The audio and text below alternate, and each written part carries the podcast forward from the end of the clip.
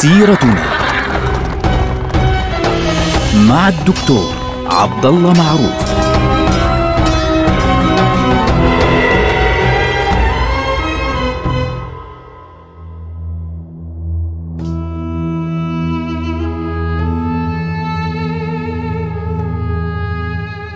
السلام عليكم ورحمة الله وبركاته. سيرتنا سيرة هذه الأمة، ونحن الآن في عهد السلطان عبد الحميد الثاني. السلطان عبد الحميد الثاني كان مع بداية القرن العشرين كان يواجه مشاكل كبيرة جدا من عدة جهات، أولها الحركة الصهيونية التي حاولت أن تقنع السلطان عبد الحميد الثاني بأن يعطيها فلسطين وطنا قوميا لليهود.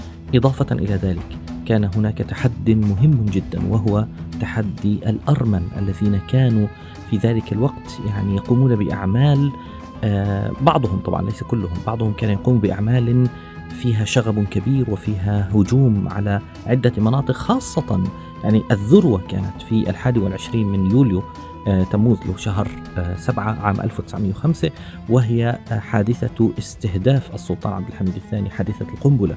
التي حاولوا من خلالها تفجير قنبلة وقتل السلطان عبد الحميد الثاني قرب آه، جامع يلدز عندما يخرج من صلاة الجمعة بحيث يحدثون فراغا في الدولة يعني يفجرون بعد ذلك الباب العالي والبنك المركزي وجسر غلطة وغالب المناطق وبالتالي يشكلون فراغا وفوضى ويفتحون المجال لبريطانيا وللدول الغربية بالاقتحام ودخول إسطنبول والسيطرة عليها للوقوف في وجه الروس. كانت هذه الأفكار كلها موجودة ويواجهها السلطان عبد الحميد الثاني.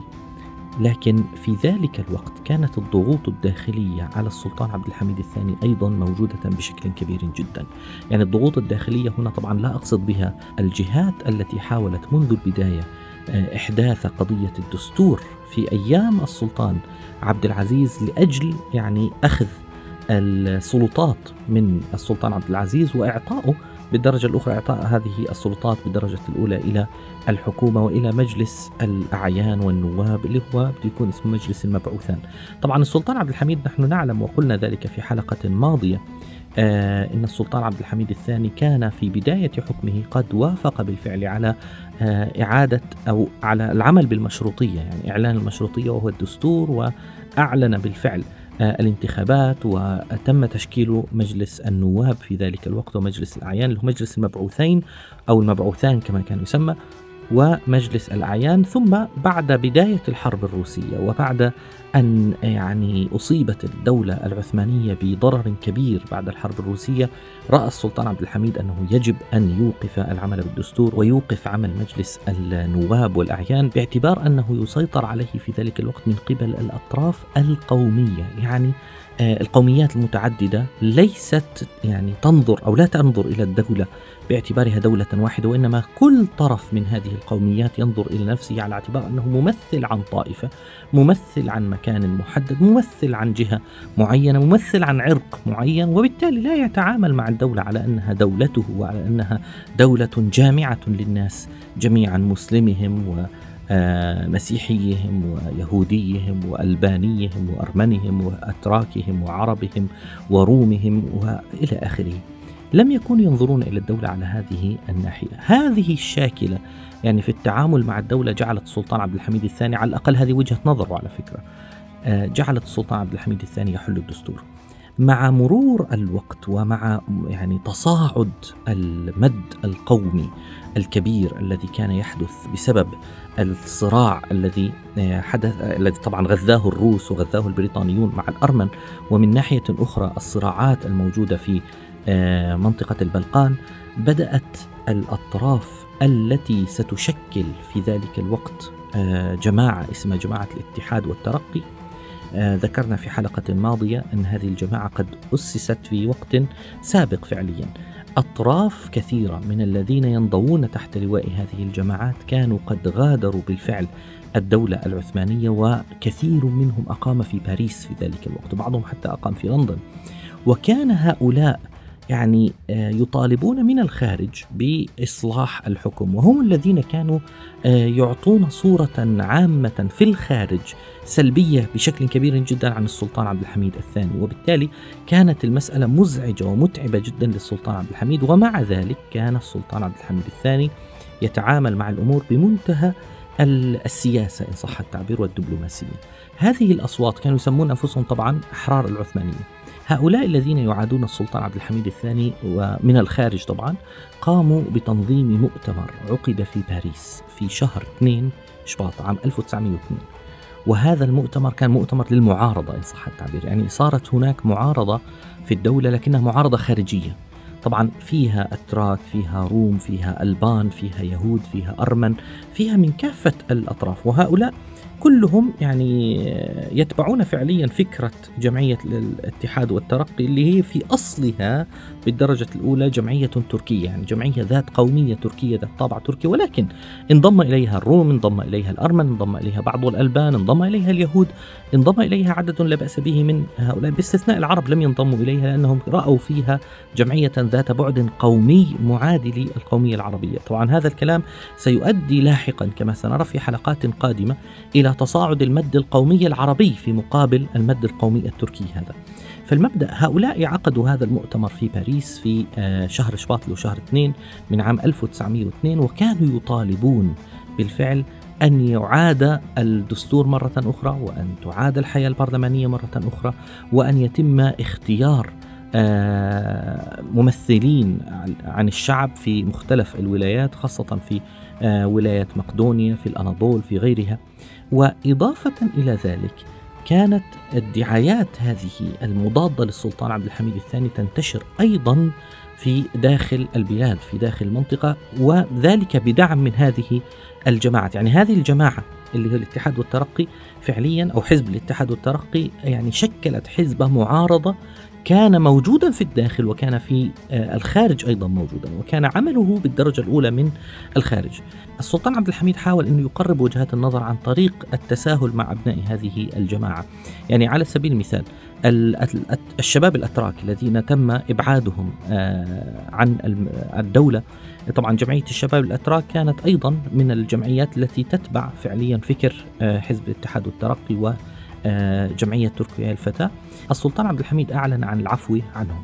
ثم آه، عادوا إلى البلاد وبالتالي كان هناك شكل في بدايات تقريبا عام 1908 كأن الوحدة عادت إلى هذه الدولة إلى الدولة العثمانية.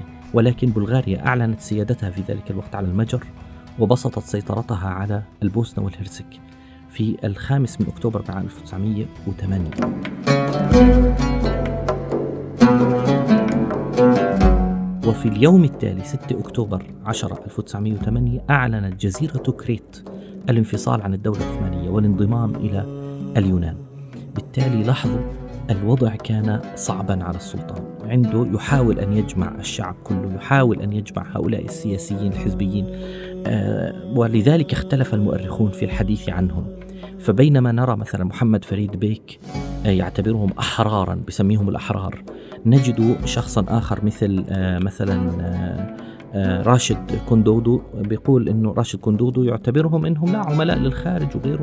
هناك أيضا شخص آخر مثلا حسين حقي ماذا يقول؟ يقول إنه هؤلاء لم يكونوا سيئين في النظرة في البداية فعليا أو في نظرتهم العامة لم تكن نيتهم سيئة ولكن التصرف الذي قاموا به لم يكن ملائما فعليا ضمن الوضع العام للدولة الوضع العام للدولة التي تسمى في ذلك الوقت رجل أوروبا المريض. وبالتالي كل الدول الأوروبية تحاول بكل قوتها أن تأخذ ما تستطيع من الدولة العثمانية وهؤلاء يساهمون في ذلك من خلال عدم معرفتهم بشؤون الأوضاع. لاحظت كيف الفكرة. فبالتالي الأمر كان صعبا جدا على السلطان عبد الحميد الثاني. لكن في النهاية السلطان عبد الحميد كان يرى أنه أفضل طريقة لتسهيل الأمور على جمع الدولة العثمانية وجمع وحدتها فعليا في بوتقة واحدة كان إعلان المشروطية مرة أخرى المشروطية اللي هي الدستور للمرة الثانية. لاحظوا هذا الكلام كان قبل يعني شهور قليلة من آه، استيلاء بلغاريا على مناطق المجر والبوسنة والهرسك وإعلان كريت انفصال عن الدولة. هذا الأمر حدث بالفعل يوم الثالث والعشرين من شهر تموز اللي هو سبعة عام 1908 في الثالث والعشرين من تموز عام 1908 أعلن السلطان عبد الحميد بإرادة بسموها الإرادة السنية في ذلك الوقت يعني إرادة عليا كما كما نقول. أعلن السلطان عبد الحميد الثاني مرة أخرى آه، إعادة العمل بالدستور وأمر بتجهيز الوضع وتجهيز اللازم لأجل آه، الانتخابات. وفعلا حدثت الانتخابات وانتخب مجلس المبعوثان وسيطر آه، حزب الاتحاد والترقي على مجلس النواب. بالتالي صار مجلس النواب الآن الأول بعد مرحلة طويلة جدا من الانفراد بالحكم. صار هناك مجلس يمثل الشعب بين قوسين. طبعا يعني هو يفترض أنه يمثل الشعب وهذا المجلس صار معاديا للسلطان عبد الحميد. لماذا فاز حزب الاتحاد والترقي في هذه الانتخابات؟ باختصار حزب الاتحاد والترقي في ذلك الوقت كان يعني نشر دعاية مضادة كبيرة جدا وقوية جدا للسلطان عبد الحميد. أضف إلى ذلك أنه في داخل حزب الاتحاد والترقي نعم كان الأتراك هم الأغلبية الساحقة لكن كان هناك أرمن وكان هناك ألبان وكان هناك يهود وكان هناك روم. فبالتالي كان هناك من الأقليات الأخرى التي يمكنها أن تخاطب آه، بقية آه، هذه الطوائف وهذه الأعراق. وبالتالي آه، شعرت هذه الأعراق وهذه الجماعات بأن هذا الحزب يمكنه أن يمثلها ويوصل رسالتها باعتبارها أقليات إلى السلطان عبد الحميد. وبالتالي صار عندنا الآن مجلس نواب وسلطان. مجلس النواب يختلف تماما في رؤيته مع السلطان عبد الحميد الثاني وهذا الأمر سيؤدي إلى تصادم. هذا التصادم سيكون دمويا وسيكون له أثر خطير على السلطان عبد الحميد نفسه. نلقاكم على خير والسلام عليكم.